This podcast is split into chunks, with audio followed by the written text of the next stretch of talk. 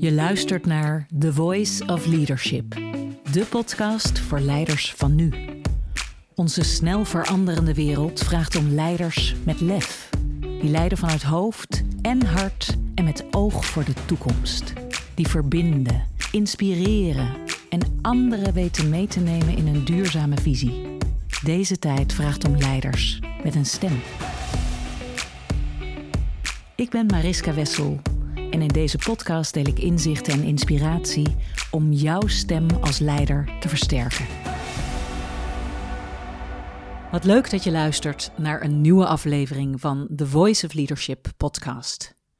Vandaag een aflevering over leiderschap, klimaatverandering en hoe wij mensen de aarde leefbaar kunnen houden voor de toekomst. Terwijl wereldleiders zich deze week buigen over dit grote vraagstuk op de klimaatconferentie in Sharm el-Sheikh, doe ik dat hier vanaf Hollandse bodem met socioloog en schrijver Ruben Jacobs. Regelmatig schrijft hij rake toonaangevende klimaatposts op LinkedIn en hij is schrijver van het prachtige boek De Eeuw van Felix. Er zijn maar weinig mensen die op zo'n ontwapenende, persoonlijke en inspirerende manier de juiste toon kunnen treffen in onderwerpen met betrekking tot de klimaatcrisis. Maar Ruben heeft naast een krachtige journalistieke pen ook het talent van een ware romanschrijver om je met hoofd, hart en ziel mee te nemen in existentiële vraagstukken. Ik ben dan ook heel blij dat hij hier aan tafel zit, Ruben Jacobs, naast socioloog en schrijver ook als docent verbonden aan de Hogeschool van de Kunsten in Utrecht en bovenal vader van Felix. Ruben, welkom en wat ontzettend leuk dat je hier uh, voor de podcast bent. Dankjewel uh, en, en bedankt voor de mooie, mooie inleiding. Deze zomer, Ruben, heb ik jouw boek De Eeuw van Felix gelezen. En jij begint dit boek met het stellen van een zeer belangrijke vraag tijdens een kurkdroge zomer in 2018. En voor de mensen uh, die dit boek nog niet kennen, zou je eens kunnen vertellen waar gaat het boek over en waarom heb je dit boek geschreven? Ja, nou, dan is het misschien goed om even bij die uh, zomer te beginnen van 2018. Want uh, ja, ik zat met mijn vrouw, hoogzwangere vrouw en onze hond Pino in de auto. We kwamen terug van, van Frankrijk. Hè. We gingen, zoals veel Nederlanders, kamperen. En um, ja, dat was eigenlijk die eerste echte hete, hele droge zomer. In ieder geval een zomer zoals ik hem nog nooit had meegemaakt in mijn leven. Um, en waarvan we ook wisten dat dat heel erg in verband stond met die, uh, veranderende, dat veranderende klimaat. En dat was voor mij eigenlijk het eerste moment dat het me echt bij de keel greep. Ook omdat ik natuurlijk op het punt stond om uh, vader te worden. In, de, in het najaar, of in ieder geval ja, in de winter, uh, kwam Felix. En um, ik was al jaren wel bezig met de thematiek. Ik schreef erover, columns, um, journalistiek werk. Ik gaf er les over. Uh, maar ik merkte eigenlijk op dat moment dat het toch nog wel heel erg, ook bij mij zelfs, een intellectueel heel erg thema was waar ik me zorgen over maakte. Maar dat het ook nog een beetje ver van de bedshow was, zelfs voor mij. En dat dit eerste moment was dat ik echt dacht: oh shit, nu is het hier en, en nu wordt het reëel. En nu, wat nu? Want nu, nu, nu word ik vader en dan, nu begint het, weet je wel. En op welke wereld zet ik ja. En dan, mijn zoon neer? Precies. En hoe gaat hij opgroeien en hoe wordt hij misschien in de toekomst weer vader? In welke wereld? Inderdaad. En toen, uh, ja, daar begon bij mij eigenlijk ook uh, het punt dat ik dacht van, ja, wat, wat betekent dat nou eigenlijk dat ik uh, een kind op deze wereld zet? Uh, ook heb ik er nou wel goed aan gedaan? wat, ja, wat, wat voor toekomst is er nog mogelijk voor hem? En dat was eigenlijk het startschot voor dat boek. En in dat boek volg je eigenlijk mij in, die, ja, in de jaren daarna eigenlijk. Ik heb het over een periode van twee jaar zo'n beetje geschreven, denk ik. Zo de eerste twee jaar van zijn um, leven, tweeënhalf. En um, volg je eigenlijk ja, mijn bezorgdheid, mijn, mijn, eh, mijn morele dilemma's, uh, maar ook mijn zoektocht naar van wat, wat brengt mij nog hoop in deze wereld? Waar zijn dingen die gebeuren in de wereld die misschien de zaadjes zijn voor een andere wereld, die meer ja, um, uh, binnen de grenzen van, van onze planeet uh, hè, zich afspeelt, die, die, um, ja, in, in harmonie in zekere zin misschien met, ehm, met de wereld buiten ons is. En ja, dus daar, dat, dat is een beetje de thematiek van het boek. En, en uh, ja, ik ga op pad, ik ga met mensen in gesprek. Maar ik kom ook steeds weer terug in, in momenten, scènes uit het leven van ons als gezin. Waarin bepaalde dilemma's eigenlijk uh, naar voren komen. Waar ik uh, word geconfronteerd met bepaalde vragen. En ook ja, de vraag van wat, wat moet ik hem meegeven? Wat moet ik hem leren? En um, waar bereid ik hem op voor? En, en, en, en ja, dat is, dat is even in notendop het, het boek. Um, maar ik denk dat ja, de thematiek is echt die zoektocht naar hoop en moed voor de toekomst. En wat het überhaupt is, hè? hoop Ja. en moed. Uh, als het er niet hoopvol uitziet. Ja, mooi. We komen zo op de, de hoop en de moed voor de toekomst nog weer even terug. Ik noemde je al de, de journalist en bijna de romanschrijver. Wat ik, wat ik mooi vind is dat enerzijds je een recente geschiedenis schrijft van hè, wat is nou de ontwikkeling geweest in onze vorige eeuw. Je begint bij de generatie van je vader, geboren in welk jaartal ook weer? 45, net, Nee, uh, ja, net, net, na na de, Wereld. oorlog. Dat was natuurlijk een tijd van grootse vooruitgang. Dan kom je bij jouw generatie, geboren in 1986, 84. 84. Ja. En je neemt ons mee. Het persoonlijke verhaal maakt dat de geschiedenis heel erg tastbaar wordt en binnenkomt. En dat vind ik echt ook de kracht van, van, jou, van jouw benadering. Hè? Dat je ons meeneemt in een tijdreis van generaties en op zoek bent naar hoop voor de generaties die gaan komen. Had je dat meteen, dat paadje in je hoofd, of is dat zo gegroeid? Ja, het is wel een beetje gegroeid zo. Want uh, ik had, ik had de, de openingsscène, die, die had ik eigenlijk al meteen. Dat moment van die auto, hè, wat ik al beschreef. En dat, dat was uh, eigenlijk ook de inleiding van het boek. En, uh, maar ik moet zeggen dat ik in het begin... Um, ik ben echt getraind als academicus. sociologie gestudeerd. Dus dan leer je natuurlijk ook heel erg een soort van ja, op een wetenschappelijke manier te schrijven over onderwerpen, vaak met een beetje afstand. Uh, persoonlijk is dan niet vaak aanwezig. Um, en ik viel ook soms nog een beetje in die, in die, in die modus, dat ik dan op een gegeven moment dacht, oké, nu ga ik een feitelijke, nou, meer groter thema benaderen of een historische ge gebeurtenis. En dan ontstond die afstand heel vaak meteen eigenlijk. En Um, op een gegeven moment, denk ik halverwege het proces, toen uh, ik had eerst een, ene, een redacteur, maar die, die ging met zwangerschapsverlof. En toen kreeg ik een tijdelijke en toen kreeg ik uiteindelijk mijn definitieve redacteur, waar ik uiteindelijk uh, nou, het helemaal mee heb afgerond. En met hem ben ik toen eigenlijk gaan kijken van ja, dat persoon, die persoonlijke lijn, die, die, die, die, die, die, die, verdw ja, die verdween steeds een beetje op de achtergrond. Dat motief van vaderschap in tijden van uh, klimaatverandering. En, en toen zijn we het eigenlijk ja, een beetje anders gaan aanpakken. En toen, toen ben ik eigenlijk een, in overleg met hem een aantal scènes gaan schrijven uit het leven van ons. Uh, van, die een beetje chronologisch zijn. Dus van het moment van die auto dan, hè, de geboorte. Uh, ja, van die, van die eikmomenten waarin er iets gebeurt, waarin je iets gaat doen.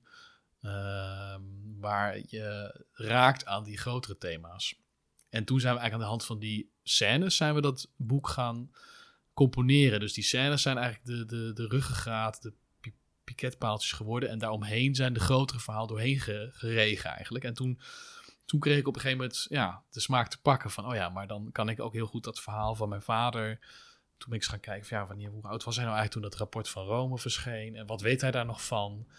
Hoe heeft hij ons opgevoed? Wat deed hij voor werk? Daar zat een soort spanning in, in de zin van mijn vader heeft echt een bankiersachtergrond. Hij heeft bij de bank gewerkt, de ING en Um, maar hij is ook heel erg iemand die altijd met antroposofie bezig geweest is. We, zijn, uh, we hebben al op de vrije school uh, gezeten. Dus van jongens af waren we ook wel heel erg bezig met natuur en, en um, relatie met onze omgeving, het eten wat we naar binnen krijgen, al dat soort zaken. En, maar ja, op een gegeven moment merk je van ja, dan, dan, dan zit je ook, jouw jou ouders, je vader zit ook in een systeem waarin hij aan de ene kant werkt voor een, ja, een bedrijf in dit geval, wat natuurlijk uiteindelijk ook, en waar weten we nu ook van, steeds meer, ja, nou niet bepaald de meest duurzame keuzes maakt. Uh, nee. of, of de meest duurzame ontwikkeling in de wereld steunt of financiert. Ja. En, en tegelijkertijd, ja, in het privéleven was er ook die hele, ja, dat belang van die die, die, die aarde en de wereld om ons heen. En daar zat soort spanning tussen. Die, die, die is ons volgens mij een beetje symbool voor de spanning ook van die generatie in zekere zin van waarin we het idee ontwikkelden dat we duurzaam zouden kunnen ontwikkelen. Dat, dat groei toch nog kon, maar dan wel op een duurzame manier. Hè? Omdat we, we wilden niet echt die boodschap van de Club van Rome echt omarmen. omarmen want dat was een te moeilijke boodschap van er zijn grenzen. Ja. En, ehm, Grenzen aan groei, ja. dat is het uh, credo daar. Dat was, het, dat was de, ja, de titel van het rapport ook. En, en toen heb je op een gegeven moment in de jaren negentig eigenlijk die ontwikkeling gehad van... Ja, toen kwam er door een later geboorte, dat heette Our Common Future van de Brundtland-commissie. En dat ging dan ook eigenlijk over ja, sustainable development, of uh, later noemen we dat groene groei.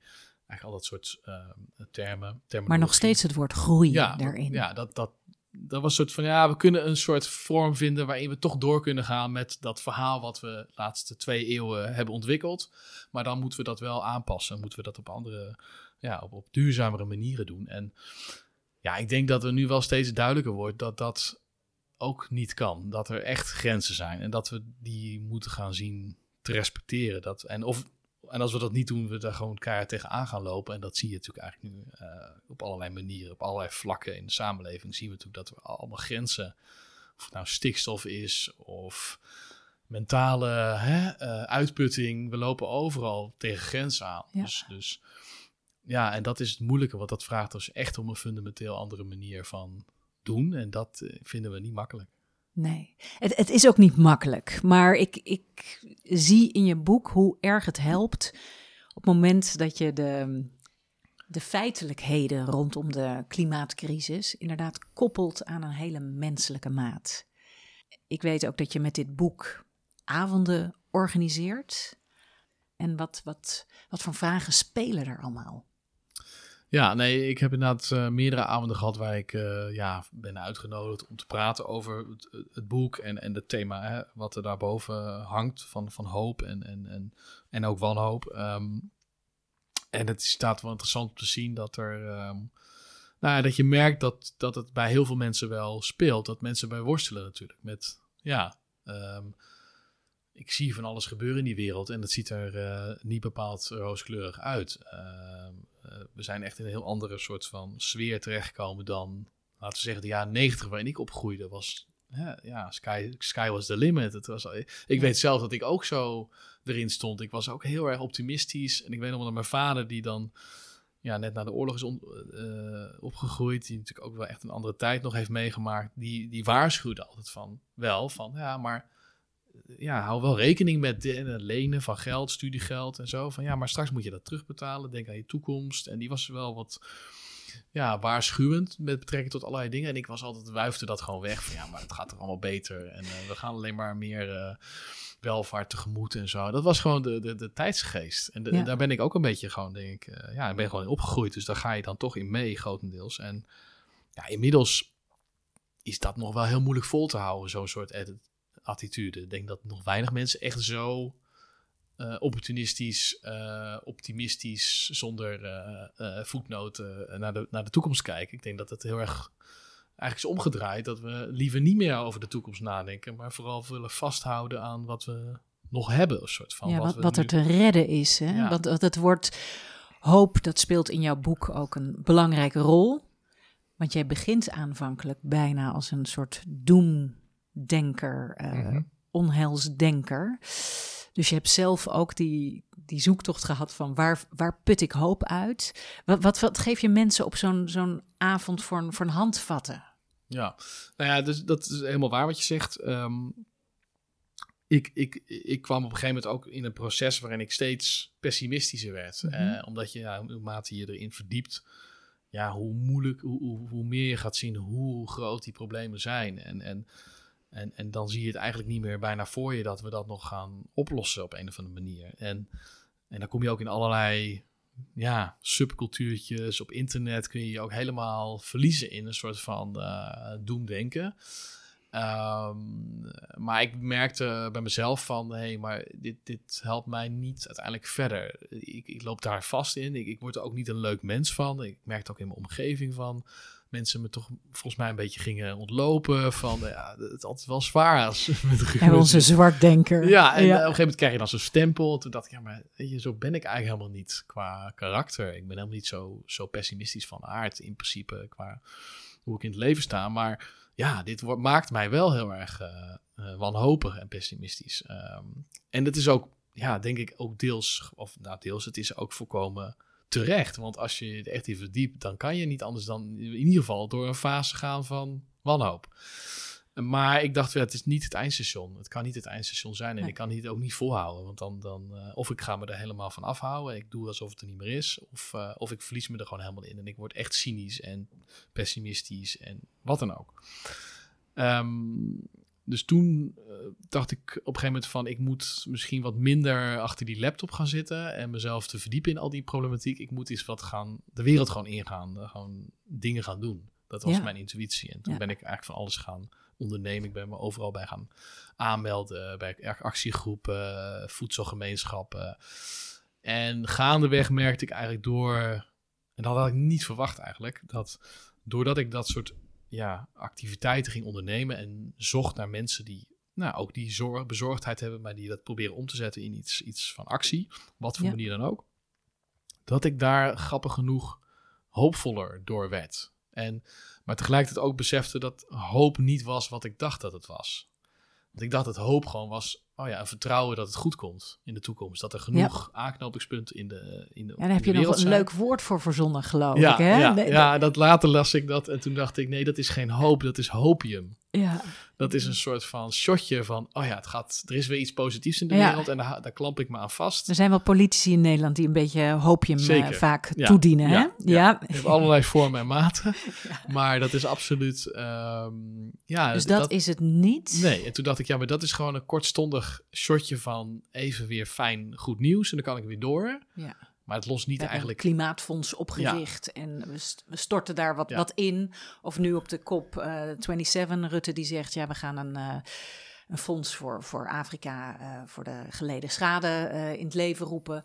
En dan is het afgedaan, Ja. maar daar stopt het natuurlijk niet bij. Nee, dan kan Nee. je even weer zeggen van, oh, kan we door met mijn leven? Ja. Maar je komt, voor je het weet kom je weer op het punt dat je weer, omdat ja, de hoeveelheid slecht nieuws neemt het toch over, want die is in veel grotere mate dan al die lichtpuntjes. En dan kom je steeds weer in hetzelfde dynamiek van ik zoek weer naar dat shotje. En dan, net zoals een, ja, normaal, eh, echt een drugshot, heb je steeds weer nodig. Hè? Het is een soort van het in stand houden van ik kan nog gewoon door met de manier van leven. En dit zijn de manieren waarop ik dat doe. En toen dacht ik van ja, dit, ja, dit is niet ehm, vol te houden. Hier, hier word ik echt niet gelukkig van. Of dit geeft mij geen levensvreugde en ehm, zelfvertrouwen of, of zelfwaarde of wat dan ook. Ik werd, eh, ja, ik werd daar uit- uiteindelijk, eh, merkte ik dat dat niet hoop is. En, eh, maar ik merkte dus dat die hoop vooral zat in, in de activiteit, in het doen van dingen, je, je, het werken aan een andere wereld, op welke schaal dan ook, waar, wat voor manier dan ook. Dat is voor iedereen natuurlijk anders. Ehm, dat ik dacht, hey, hier, ik merk dat ik door die activiteit eigenlijk ja, een soort van ja, vertrouwen krijg in mezelf, maar ook in mijn medemensen. Van hey, er is nog wel, er zijn eigenlijk heel veel mensen die willen graag het goede doen en die zijn ook bereid om daarvoor in te zetten. En het is heel fijn om onder die mensen te begeven, want het is aanstekelijk. Het werkt gewoon als een soort van eh, ja, motor van, oh ja, maar dit is een duurzamere manier van door het leven gaan. En dan kan ik die Put je minder uit, het maakt je minder wanhopig. Je bent Ja. met concrete dingen bezig, letterlijk ook met je handen in de aarde, geloof ik, Ja. hè? In, in moestuinen en dichter bij die natuur.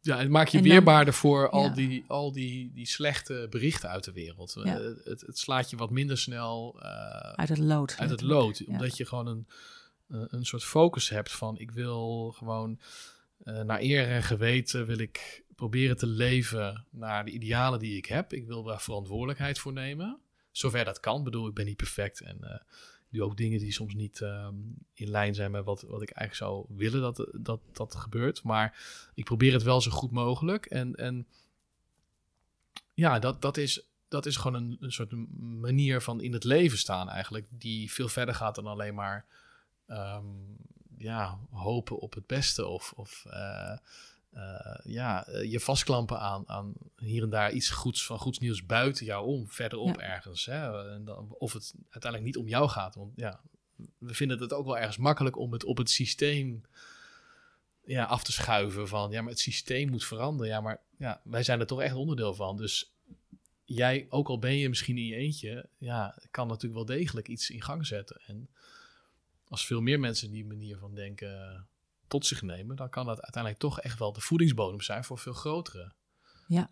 Ja, veranderingen. Die gaan natuurlijk niet uh, ja, zomaar vanzelf uh, gebeuren. Zeker. Ja. Mooi het woord voedingsbodem. Wat brengt ons ook dicht bij letterlijk het, de natuur. Ik las ook in je boek uh, het, het, je meer verbinden met buiten de natuur. Dat dat ook zeker helpt met hoe je, hoe je zelf om, om die natuur gaat geven. Ik ben in september in Zweden uh, een week op een avontuurlijke tocht buiten geweest. En het woord Friluftslief, leven met de natuur, dat heb ik echt even tot mij genomen. En ook in Stockholm zag ik overal kindjes in, in gele hesjes, andere gele hesjes dan, uh, dan in Frankrijk, in die parken rondwalen. En um, ze krijgen natuuronderwijs, uh, leven met de natuur maakt dat mensen ook in de omslag naar het wat duurzamere leven in Zweden daar ja, het meer als een soort van zelfsprekends zien. Jij werkt ook veel in de natuur met, met je handen. Jij werkt ook veel in het onderwijs op de HKU. En daar heb je ook buitenonderwijs op een gegeven moment geïntroduceerd. Kan, kan je mij eens meenemen? Wat, wat, wat voor een invloed heb je allemaal dan ook hè, om wat je zelf hebt ontdekt op andere lagen, bijvoorbeeld in je werk, in te brengen? Ja, ja klopt. Um, ik zat eigenlijk al veel langer met het idee, liep ik rond van ik wil met, met studenten meer naar buiten, meer met ze gaan wandelen. Ik wil eigenlijk uit die lokale. We zaten natuurlijk heel veel, zoals de meeste onderwijsvormen, ja, zit je gewoon in een gebouw. En uh, grote tijd, uh, de meeste tijd van het, van, ja, van het jaar zit je daar eigenlijk. En ja, ik ging steeds meer over natuur, ecologie praten. En, ja, en toen dacht ik van, ja, het is wel een beetje raar als ik dan daarover praat, maar we zijn, ervaren dat niet. Hè? We zijn eigenlijk steeds, dat is denk ik ook gewoon een van die, die uitdagingen van onze geurbaniseerde leefstijl, is dat we ook heel vaak op afstand zijn van die plekken. Van die plekken waar de natuur meer de ruimte heeft, laat ik het zo zeggen. Um, dus toen uh, ja, had ik het idee opgevat van we moeten op pad. Uh, alleen dat was nog wel een ja, rooster technische uitdaging, laat ik het zo zeggen. Want ja, uh, dan moet je eigenlijk een dag gaan inroosteren waarin je met reistijd, uh, met studenten ergens heen kan. En dat er niet nog andere vakken zijn waar ze dan ook moeten zijn, waardoor je weer allerlei ja, uh, barrières hebt. Nou, uiteindelijk kwam corona, dus ik rook mijn kans van nu Kijk ligt alles op zijn gat. Never waste ja. a good crisis. Wat, wat, bracht corona jou? Heel veel vrijheid. Ja. Omdat de roosters waren anders in te plannen, want online heb je veel meer mogelijkheden. Klopt. En uh, we wisten ook natuurlijk dat buiten hè, de infectiemogelijkheden uh, um, of de ja. gevaar veel, veel lager was. Um, ja, alles lag een beetje op zijn gat. Uh, ontstond gewoon ruimte om toch anders te gaan nadenken van hoe kunnen we dingen anders doen. En ja, en daar zag ik mijn kans van. Ik moet nu dit, dit idee echt proberen naar voren te schuiven en te kijken of we niet gewoon echt een aantal dagen, een aantal weken, een dag kunnen reserveren voor excursies. En nou uiteindelijk lukte dat. Eerst een jaartje hebben we het een uh, soort van try-out gedaan. En toen, uh, inmiddels zijn we weer een beetje normaal terug hè, van het huidige onderwijs. de corona is een beetje op de achtergrond geraakt. Maar nu heb ik zo dat ik vier weken of vijf weken eigenlijk elke dinsdag een excursiedag heb met mijn eerstejaars studenten. Geweldig, waarin we eigenlijk ja. uh, verschillende ecologische principes onderzoeken. En dan elke week één ecologisch principe hebben. En dan uh, maandag hebben we dan college werkgroep. En dan op dinsdag gaan we op pad. En dan gaan we de bossen in. Of we gaan naar een boerderij. We gaan ook naar musea. Uh, ligt een beetje aan waar iets relevants is voor dat Ben je thema. al bij die eco-kathedraal geweest die je in je boek beschrijft? Nee, nee, nee. Uh, dat lijkt me echt. Ja. Dat, die staat op mijn, ja. uh, mijn lijstje. Ja. ja, die zou ik zeker. maar die, ja, dat, daar zit je vooral met de reistijd. dat is heel erg. helemaal in het noorden van het ja, land. Helemaal in, in, de Heerenve in de buurt van Heerenveen. En uh, ja, mijn studenten gaan, die komen van heel, heel, heel het land, uit verschillende hoeken. Dus voor sommigen zou Ja. dat uh, enorme reistijd betekenen. En ja, dan, dan zit je ook nog met dat die plek, ja, die moet je dan of met een auto of met een bus. Dat, uh, het is Ja. gewoon nog iets te complex om die plek dan specifiek te, te bezoeken. Ehm, maar ja, er zijn gelukkig ook nog wel heel veel andere plekken, ook in de omgeving Utrecht dan waar ik lesgeef, waar je heen kan. En ehm, wat ik heel erg merk is van, het, ja, het is een behoorlijk zwaar onderwerp over klimaat, ecologie te hebben, want ja, nou, eh, die realiteit is gewoon eh, zorgwekkend. Mer- merk je dat ook bij, bij je studenten? Want het zijn allemaal begin twintigers. Ja, ja ik merk eh, zeker dat het impact of invloed op, he- op, hun, ja, op hun geestestoestand heeft. Ehm, vijf jaar geleden, om een voorbeeld te geven, een beetje indruk te krijgen. Vijf jaar geleden had ik echt nog een soort wake-up college. Dan begon ik echt met even de feiten, eh, eh, zover we dat weten, eh, te presenteren aan studenten. En ja, dat was altijd best een Dan heftig zag je hun luikjes Ja. open gaan van, Ja. oh, ja. En van wow, het is toch wel erger dan ik dacht. En ik merk nu eigenlijk dat dat steeds moeilijker is om alleen. Dat ik merk dat studenten nu natuurlijk afgelopen jaren zoveel hebben meegemaakt. eh, in de vormen, de jaren corona, oorlog, al die klimaatextremen in de zomers vooral. Maar ook nu weer recent natuurlijk, veel te warm weer. Ehm, ja, dat, dat ik eigenlijk ook mm, ja, eh, ze bijna moeten moeten inpraten van eh word niet meteen fatalistisch. Ehm, geef het niet meteen op. Ehm, hoef ze in ieder geval minder te overtuigen dat er van alles. Dat er een noodzaak is om Maar het is vooral. de relatie met die natuur te herstellen. dat, hè, ja. hoe gaan we dat dan op een gezonde manier aan, zodat je daar niet onder bezwijkt eh, en de moed opgeeft? Want dat is denk ik vooral voor studenten steeds meer de issue van de mentale ja, weerbaarheid te- ten opzichte van ja, dat er zoveel dingen niet, niet goed gaan in de wereld waar we nu, waar zij opgroeien. En daar komt voor mij ook die, ja, die beweging naar buiten om de hoek kijken. Omdat ik denk van, kijk, we beseffen ons nu steeds meer dat die manier van leven zoals we die kenden, dat die grenzen heeft, dat die niet volhoudbaar is, dat we echt fundamenteel anders moeten zullen gaan leven. Alleen het voelt dus heel vaak voor ook jonge mensen als zijnde van alles wordt minder. Ja. Ik moet alles minder doen, ik kan niet meer wat mijn eh, generaties voor mij deden. Het wordt sober, eh, eh, dat soort zaken. En Het woord rouw gebruik je daar toch ook voor? ja, hè? en dat, er zit een soort ja. rouw in van je moet eh, ja, afscheid nemen van, dat heb ik ook gehad, van, van iets wat je vertrouwd is. Waar je denkt Ja. van ja, dit is gewoon hoe ik ben opgevoed en opgegroeid in de cultuur. En de dromen die ik had over wat ik wilde gaan doen. En nu zie ik dat er toch wel allerlei barrières eh, voorkomen. En dat dat misschien niet allemaal gaat lukken. En dat ik misschien andere dromen moet gaan ontwikkelen. En dus ik ben eigenlijk naast dat pad eigenlijk gaan kijken van ja, maar dan moeten we ook gaan kijken van wat brengt het ons om die werkelijkheid echt te laten indalen en te beseffen dat onze manier van leven, zoals die kenden, gewoon onhoudbaar is geworden. Maar ook te beseffen dat die manier van leven misschien ook helemaal niet zo geweldig was Ja. als we dachten. En Hij dat was- er iets tegenover staat, wat als je dat gaat ontdekken en op een andere manier je eigen gaat maken, hè, je, je, je tot gaat verhouden, dat dat heel veel rijkdom kan geven. Ja, dat denk ik wel. Ik, de- ik, ik ben tot wel tot, tot besef gekomen dat ja, ik in die zin heel materialistisch een soort cultuur ben opgegroeid. En daar ook deels in mee ben gegaan. Maar dat dat ook een, ehm, ja, geestelijk, om het maar zo te zeggen, best arme cultuur is. En, en dat er, hè, eh, eh, dat dat heel erg gericht is op gemak en comfort en snelle Mhm. bevrediging. Maar weinig op zingeving, op echt betekenis, op diepere verbindenis met dingen van mensen of andere dingen om je heen. En, Ja. en dat ik dacht van ja, maar als ik daar afscheid van neem, dan komt die wereld eigenlijk om de hoek kijken. En dat is eigenlijk misschien wel heel, heel, heel verrijkend, eh, wel heel mooi. En dat begint ook bij gewoon ja, weer in een bos lopen en te ontdekken van wat je al, al die jaren hebt genegeerd. Die, die, die hele natuur, ja, dat is zo'n wonder. Maar wij zijn het gewoon gaan zien als zijnde, ja, dat is iets waar je heen gaat af en toe in de weekend. En dan loop je doorheen. Ja. Maar geen besef hoe dat werkt en wat er gebeurt allemaal in zo'n bos. En hoe wonderlijk dat is. Ja. En dat wij daar onderdeel van zijn.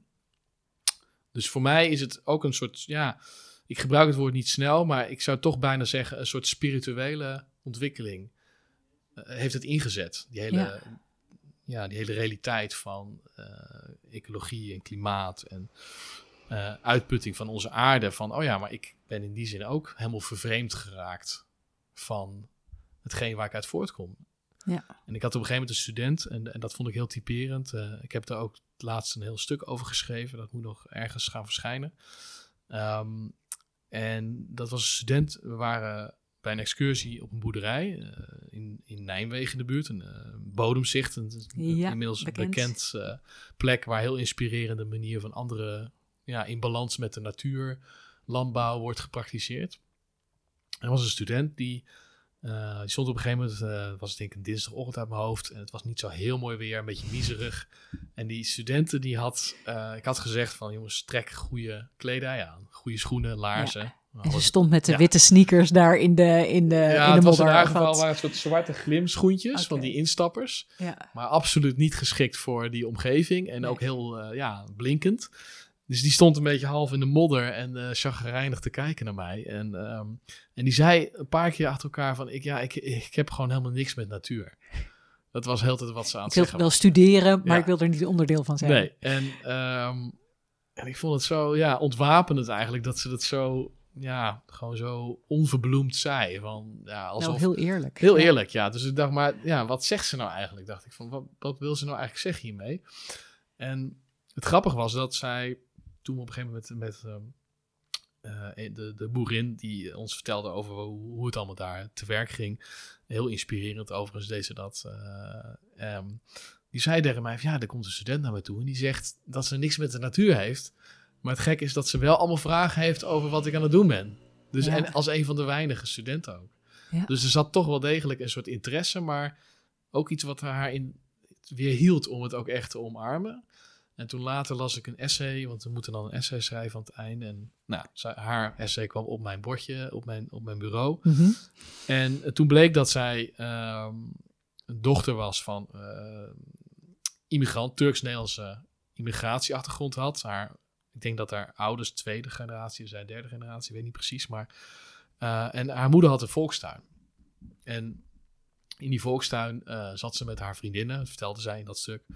Ehm, waar ze nou, tuinierden, maar ook dat was ook een plek waar ze allerlei gesprekken hadden die ze thuis niet echt konden hebben. Over sommige onderwerpen die gevoelig lagen. En, eh, en, ehm, en je zag gewoon in dat stuk dat ze eigenlijk een beetje aan het kantelen was. Dat ze opeens zag van, oh ja, dat, dat heeft wel ook wel heel iets moois, die plek. En, en juist op zo'n plek. En, en- Ontmoeten, gesprekken Ja. hebben, niet met je mobieltje ergens. Precies. Iemand, het, het, het is, het is heel direct en Ja. heel aards. Ja, En, en, en ze was volgens mij ook, ze, ja, ze had heel erg duidelijk voor zichzelf een soort ja, identiteit aangemeten van ik ben een moderne stadse meid. eh, ik ga mee met de meest eh, ja, hippe, trendy ontwikkelingen. En ja, dat, dat van moestuinen en zo, dat is iets van mijn voorouders, weet je wel. Die kunnen allemaal... Die, die vooral hadden- van je moeder. Dat is je moeder, op je twintigste niet ja. zoveel eh, mee bezig dat. zijn. Ja, Ehm, maar ook, er zat ook volgens mij een soort van ja, stads, modern versus agrarisch, eh, vroeger premodern of zo. Een soort van die, wat ook heel sterk in onze cultuur ook een beetje zit, die, die, dat dualisme, tegenstellingen. En, ehm, maar je zag door, de hele, door die hele ervaring dat ze zich daar bewust van werd. En, en toen dacht ik, oh ja, maar dat is de kracht van zo'n ervaring. Dat kan ik niet als een docent in een college oproepen. Nee. Zij moet echt die weerstand voelen van daar staan en al die, eh, het weer, die kou, die plek. En dan geconfronteerd worden eh, met, ja, met haar eigen soort ongemak. Ja. En, eh, en dat zie ik steeds vaker. Dat, ik, dat, dat soort excursies dat bij studenten op allerlei manieren oproept.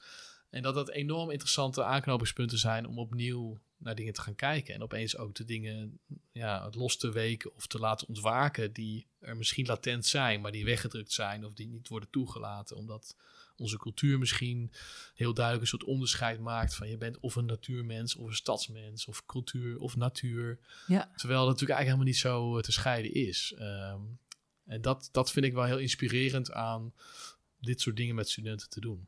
Mooi, mooi. Ja, ik geloof er ook heilig in. Hè? De, de mensen die nu studeren, dat zijn weer de nieuwe leiders van de toekomst. Hè? Die weer op posten komen, dat zij het beleid gaan maken voor het klimaat en al die andere zaken. Dus ehm, ja, zoals Kees Klomp, eh, de betekenis-economie eh, in het onderwijs introduceert en afscheid neemt van de oude economie, ben jij natuurlijk ook op een bepaalde manier in onderwijsland een, een andere richting aan het inzetten. En ik denk dat het heel, uh, heel erg nodig is. Anders blijven we doen wat we altijd al doen. Ja, en ik denk, ik denk overigens, uh, je, je ziet, ik merk de laatste tijd krijg ik echt meerdere mensen die me ook benaderen die uh, met vergelijkbare initiatieven ook in het onderwijs bezig zijn. Of, ja. of daarbuiten zelfs voor mensen die ja, misschien niet meer uh, student zijn, maar die ook natuurlijk uh, dit soort behoeftes misschien hebben. En ook vervreemd zijn van, van, van alles en nog wat.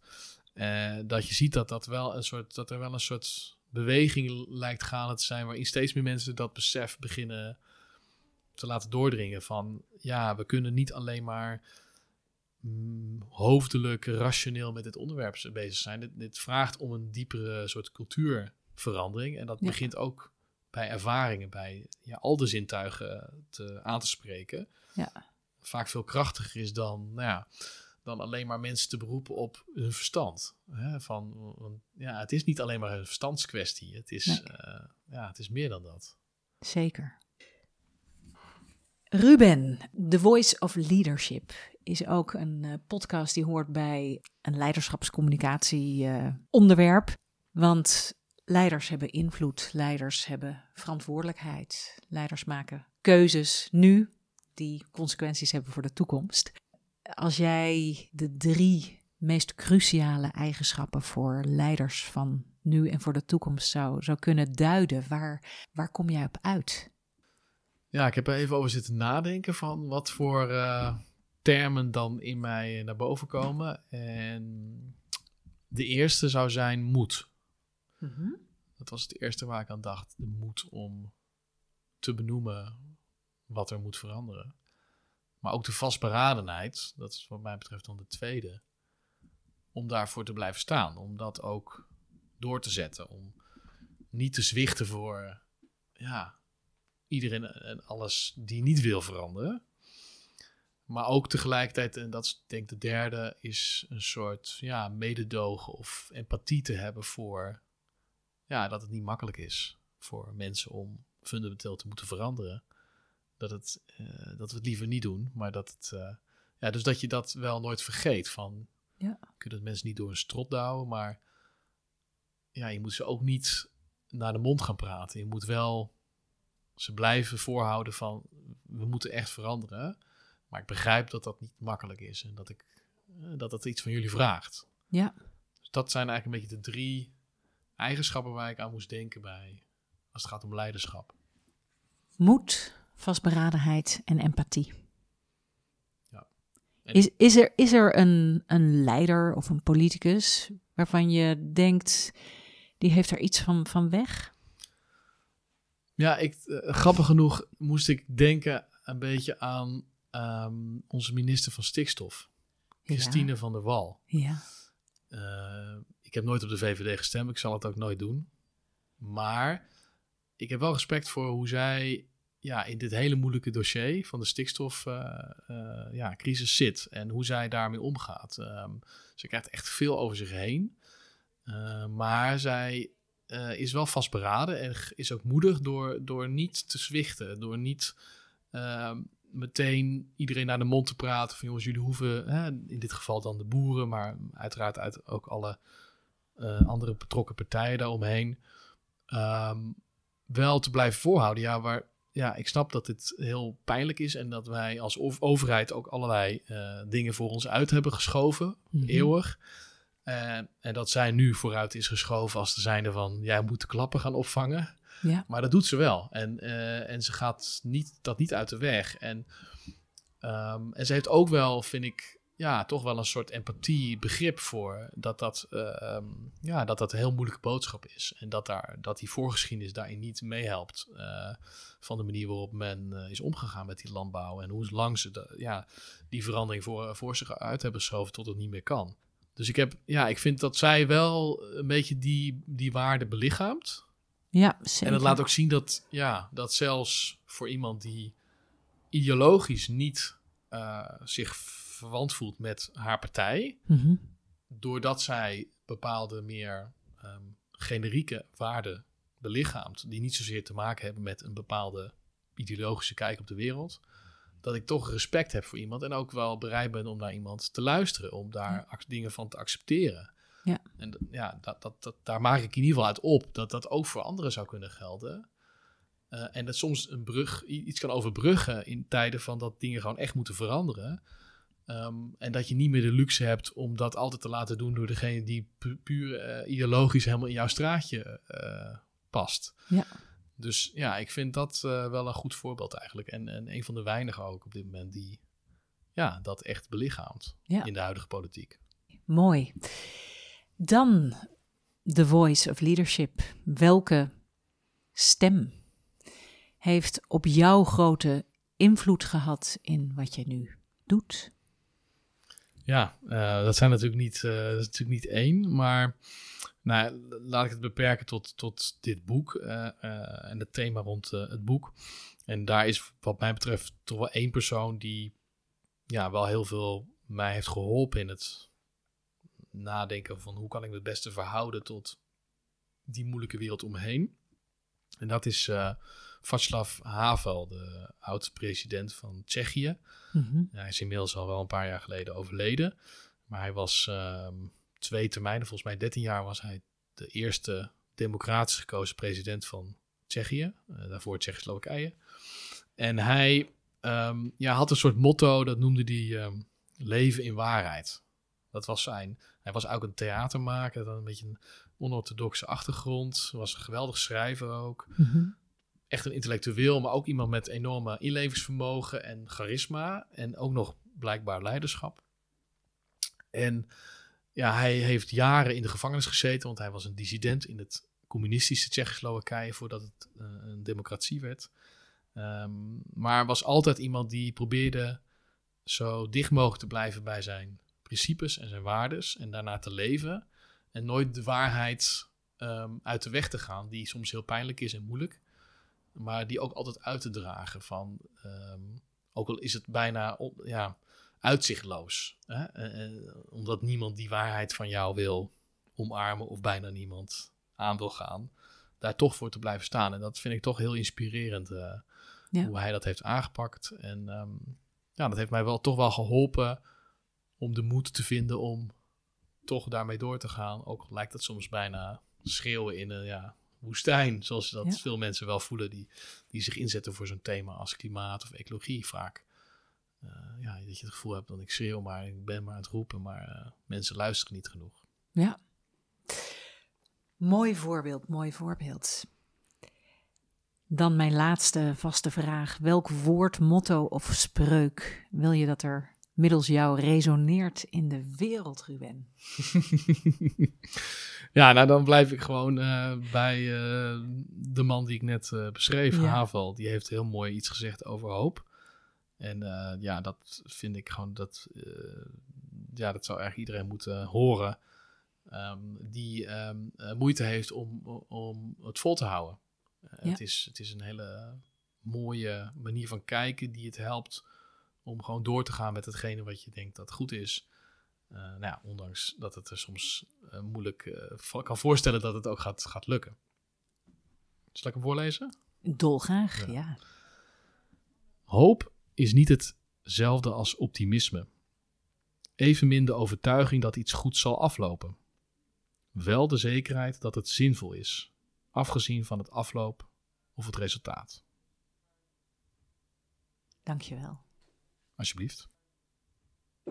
Ruben, ik las ook op uh, LinkedIn het grote nieuws dat er een nieuw boek in verschiet ligt.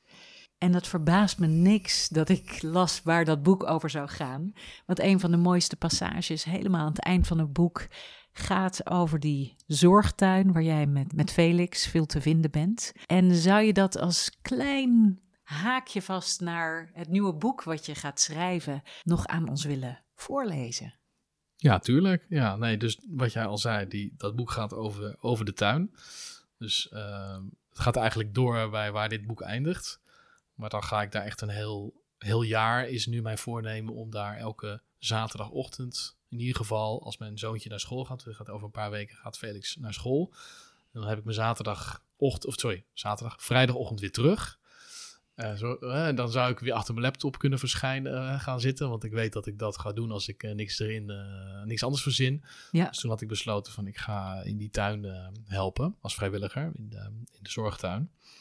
En ehm, ja, dus dat, dat ga, daar ga ik van verslag doen. De vier seizoenen van de tuin. En hier, wat ik nu voorlees, is eigenlijk al een beetje dat boek in, in wording. Of in ieder geval het eerste zaadje voor het, voor het boek. Wat bindt al deze mensen, los van hun ziekte? De liefde voor de natuur, voor het buiten zijn, dat zeker. Maar ook iets anders. Hun kwetsbaarheid en vergankelijkheid. Dit zijn veelal mensen die zich in de laatste fase van hun leven bevinden en die dan in dit geval lijden aan dementie of uh, Alzheimer. Uh, en die hun maatschappelijke leven achter de rug hebben. En in zekere zin terugkeren naar waar het allemaal begon. De kleine, onmiddellijke wereld van het hier en nu. Hier wordt niet gedroomd over verre orde of nieuwe doelen, maar geleefd van moment tot moment. Volledig ondergedobbeld in de geur van de moestuin. En ik moet zeggen, dat voelt best bevrijdend. Kwetsbaar en vergankelijk zijn we immers allen. Niet alleen als individu, maar ook als beschaving, als soort. De ecologische crisis legt dit gegeven snoeihard op de tafel. En of het nu binnen een paar decennia, een eeuw of een millennium is, wat er ook gebeurt, wat we ook doen, eens uitsterven zullen we. Wat zou er gebeuren als we dit echt onder ogen zouden zien? Zou het ons ook iets kunnen brengen? Ik zie uit naar het, uh, het boek wat geschreven gaat worden. Dankjewel voor dit gesprek. Eindigen we nou op een, op een noot van hoop of juist niet? Um, nou ja, ik, ik weet niet of dat. Ja, nou, het is meer een soort besef, een soort. Uh, ja, ik, ik, nu je me voorlas, dacht ik. Ja, hij, het, hij is, is, het is meer onder ogen. Ik denk dus dat die uh, hè, dat, we zijn ontzettend goed in het ontkennen van werkelijkheden. Hè? Van ontkennen van dat we in, in de problemen zitten. Maar ik denk dat de allerdiepste ontkenning is onze eigen sterfelijkheid. Ja. Dat vinden we heel moeilijk om mm. onder ogen te komen. Dat we, ja, dat we toch een keer gaan verdwijnen als mens, maar ook als beschaving. Zullen we ooit een keer. De aarde zal ook ooit een keer, want de zon gaat een keertje op zijn en dan is het klaar. Alleen, volgens mij moeten we dat niet zien als een soort van treurnis, maar dat het misschien ook, ja, als we dat echt omarmen, ons juist misschien wel veel meer dichter bij de betekenis van het leven en de waarde van het leven gaat brengen. In ieder geval voor mij is het onder ogen komen en ik zit nog volop in het proces van mijn eigen sterfelijkheid ook. Is echt een weg om mezelf meer te verbinden met de omgeving. Want ja, in de natuur is de dood gewoon een onderdeel van de cyclus, van de kringloop. En nooit een eindstation, want het is altijd weer een, een, een begin voor nieuw leven. Zeker. Uh, het mooie vind ik van de, de composthopen op de moestuin is eigenlijk een heel mooie metafoor. Het is dood materiaal wat eigenlijk weer tot leven komt, omdat het een voedingsbodem is voor allerlei ja, uh, insecten, uh, bodemleven, wat daar dat compostproces eigenlijk uh, op gang brengt. En dat wordt weer gebruikt voor de tuinen, voor het groeien van nieuwe groente en fruit. Dus het is in die zin, ja, als je het zo gaat bekijken, dan kan dat ons juist misschien wel heel erg helpen in het omarmen van de wereld om ons heen. En ons uh, misschien meer met meer intensiteit en meer betekenis doen leven. Dus wat mij betreft is het in die zin toch wel echt hoopvol. Kijk eens. Dankjewel, Ruben. En met deze mooie opmaat voor het nieuwe boek van Ruben sluit ik dit gesprek af. Je luisterde naar een aflevering van The Voice of Leadership, waarin we het hadden over klimaatverandering en hoe wij mensen de aarde leefbaar kunnen houden voor de toekomst.